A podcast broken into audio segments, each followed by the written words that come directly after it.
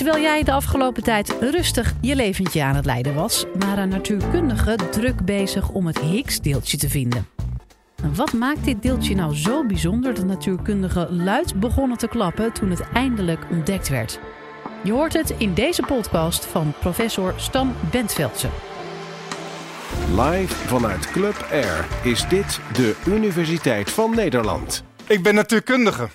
En uh, ik vind hoe de natuur in elkaar zit fantastisch. Ik kan echt genieten van een zonsopgang of van een regenboog of allerlei andere dingen die de natuur zo mooi maakt en die je ook vast kent. Maar ik hou ook van extreme.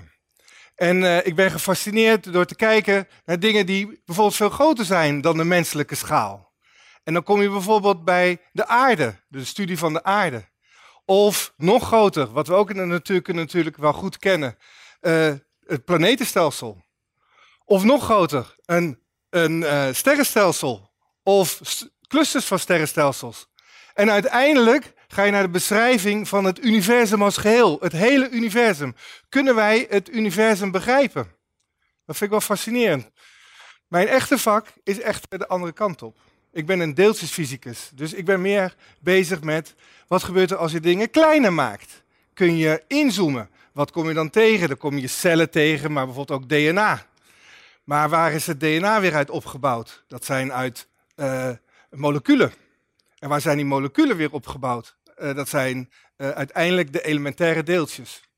En wat ik nou zo fascinerend vind, is dat die extreme, het heelal aan de ene kant en die elementaire deeltjes aan de andere kant, dat die raakvlakken met elkaar hebben. Dat we eigenlijk voor de vraag staan, kunnen we het universum, het, de evolutie van het universum, hoe het universum is ontstaan en waar het toe heeft geleid, begrijpen in termen van die elementaire deeltjes. Dat vind ik de meest fascinerende vraag die we nu hebben. En dat is die hele extreme werelden worden weer bij elkaar gebracht. Het universum is ontstaan ongeveer 14 miljard jaar geleden met een enorme knal, de oerknal. En uh, in die oerknal kwam veel energie vrij en uit die energie waren allemaal deeltjes geboren, uh, elementaire deeltjes. En uh, het heelal is afgekoeld en die elementaire deeltjes konden samen clusteren, samen klonteren. Na 380 jaar, 1000 jaar na de oerknal ontstonden de eerste atomen. En uiteindelijk zijn daar ook structuren in het universum ontstaan. En uiteindelijk ook de aarde. En 4 miljard jaar geleden. En staan wij hier op de aarde. In die oerknal, welke elementaire deeltjes zijn er eigenlijk gemaakt? Nou, die kunnen we bestuderen met onze microscopen. We kunnen gaan kijken wat zijn dat voor elementaire deeltjes. En dan wil ik met jullie het verhaal vertellen van de speurtocht naar de elementaire deeltjes van de vorige eeuw. Het atoom, dat kent u misschien wel, bestaat uit een atoomkern en daaromheen uh, zwermen elektronen.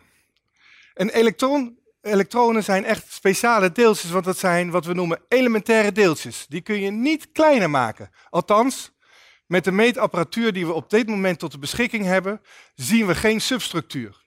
Ze, zijn, ze gedragen zich als elementair met de resolutie die we op dit moment kunnen bereiken met de apparatuur. Dat geldt niet voor de atoomkern. De atoomkern, ontdekt in 1911 ongeveer in uh, Manchester, bestaat uit kleinere deeltjes, protonen en neutronen. En samen maken zij een atoomkern op. Maar ongeveer in 1950 is ontdekt dat een proton en een neutron geen elementaire deeltjes zijn, want ze hadden een bepaalde grootte. Er werd gemeten dat die deeltjes grootte hebben. En als iets een bepaalde grootte heeft, dan kun je het openbreken en dan kun je kijken wat daar weer in zit.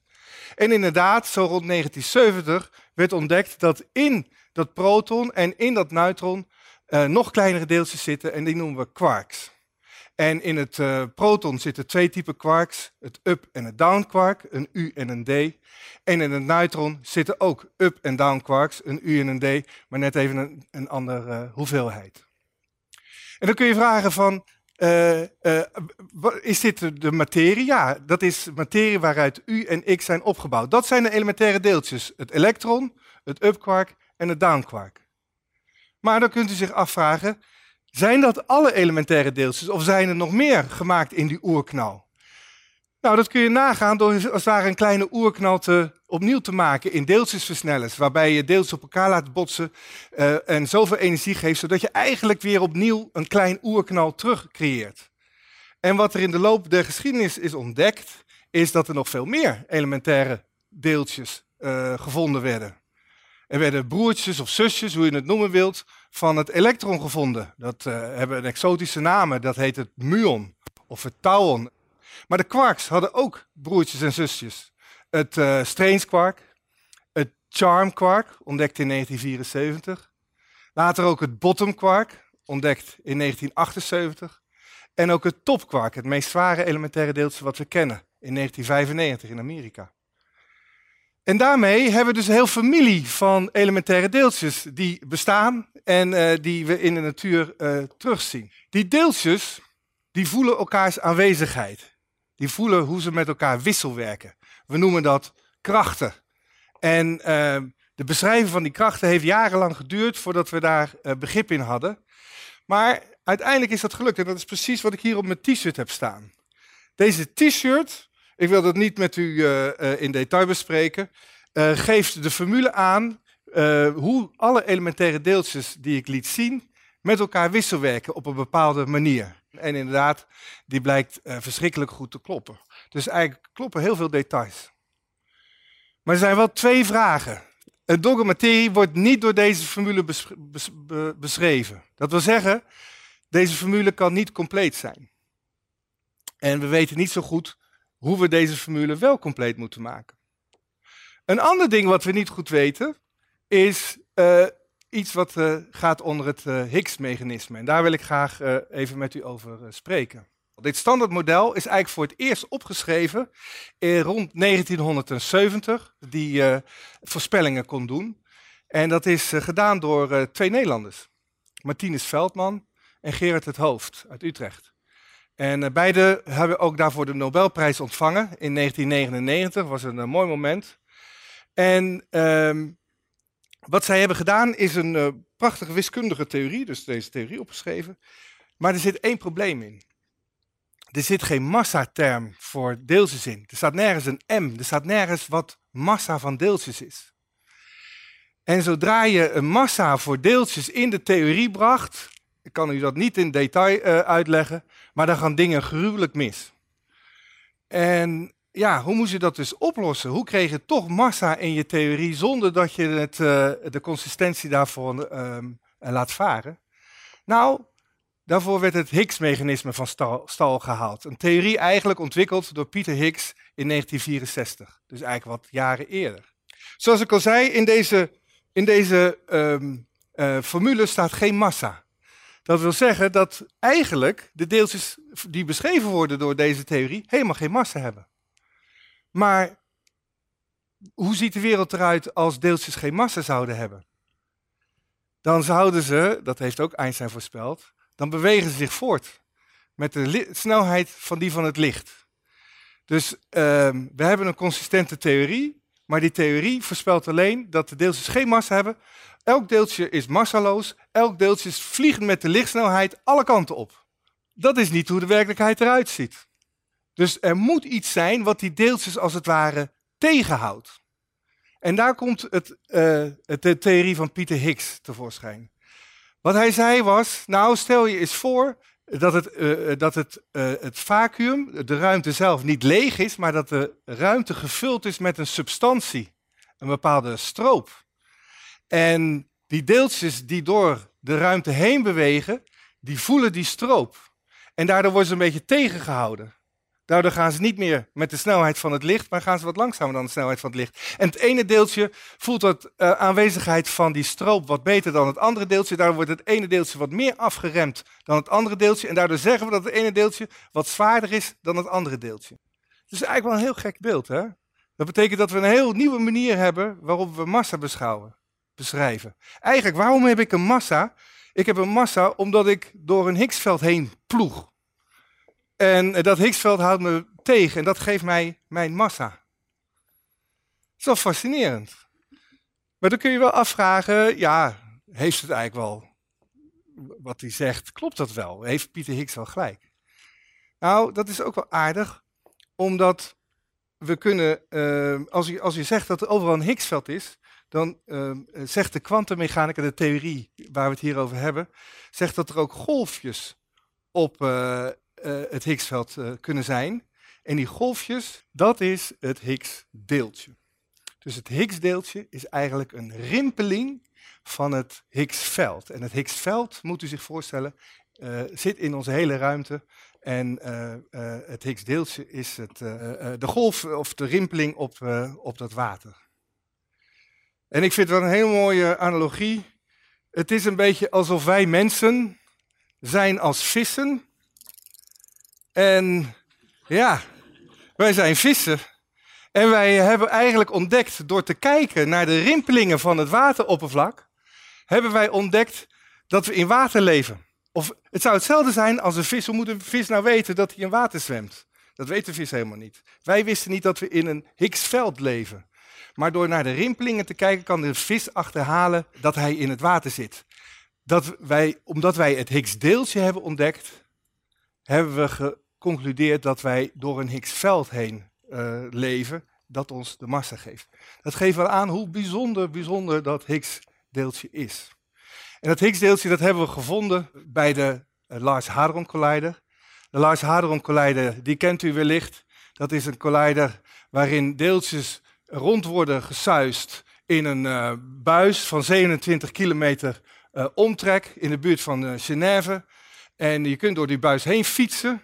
En het duurt heel lang voordat je dan één rondje maakt. Maar die deeltjes die maken 11.000 rondjes per seconde. En uiteindelijk worden ze op elkaar gebotst. En, en een aantal keren van die botsingen worden dan die nieuwe deeltjes, hè, dat is een soort oerknal die je eventjes opnieuw maakt. En een enkele keer wordt er in die oerknal dan ook daadwerkelijk een Higgs-deeltje gevonden. Deze ontdekking die is gemaakt in 2012. En ehm, dat was wel een mooi moment, want Pieter Higgs die leeft gewoon nog. En uh, die was ook bij dat moment op CERN. Dan wil ik graag eventjes laten zien het moment van het bekend worden van het uh, Higgs-deeltje op 4 juli 2012. Misschien kunnen we even naar kijken. As a layman, I would now say, I think we have it. You agree? Yeah. Is de directeur van CERN. En dit is Pieter Higgs. Uh, for me, it's really an incredible thing that has happened in my lifetime. It's taken. it's Dit vonden wij wel een ontroerend moment natuurlijk. Wij hadden natuurlijk uh, verschrikkelijk hard uh, uh, gewerkt om dat, die rimpeling in het vacuüm zichtbaar te maken, om dat Higgsdeeltje zichtbaar te maken. En dat is eigenlijk na een voorspelling van hem uit 1964. Dat is wel prachtig. En dan kun je afvragen, nou zijn we daarmee klaar met onze natuurkunde? Is dit nou de formule waarmee we uh, het universum kunnen beschrijven in termen van zijn elementaire deeltjes? Dat was waar we zo graag uh, op zoek naar zijn. Ja, en dat antwoord is toch wel nee. Um, je kunt zich misschien voorstellen, een van de dingen die Veldman mij altijd vertelde, dat Higgs-veld, wat dus overal in de ruimte aanwezig zou moeten zijn, representeert ook een bepaalde mate van energie. Maar energie is weer massa en door massa wordt de ruimte gekromd. En de energiedichtheid is zo groot, dat is deze term hieronder, dat uh, uiteindelijk de, het universum zou worden opgekruld ter grootte van een voetbal. Uh, door die aanwezigheid van het Higgsveld. Maar ja, het universum is niet zo groot als een voetbal. Het universum is veel groter. En wij weten dus eigenlijk niet wat nou het mechanisme is wat het universum zo groot houdt. Dit is een onopgeloste vraag. We zien hier geen donkere deeltjes in deze formule staan. We weten niet. Uh, misschien dat de donkere deeltjes juist wel een oplossing geven door het probleem wat ik net schetste. Hebben we geen antwoord op. Dus ik laat u een beetje in verwarring achter in dit college. Maar dit zijn wel de vragen die wij onszelf nu stellen. Dus als je vraagt, hoe hebben we het meest gezochte deeltje ter wereld gevonden? Dat is een speurtocht op zoek naar die bouwstenen van onze materie. We zijn een stap verder gekomen en we hebben het Higgs-deeltje ontdekt. Maar uiteindelijk zijn we nog lang niet bij het eind en valt er nog veel meer te ontdekken.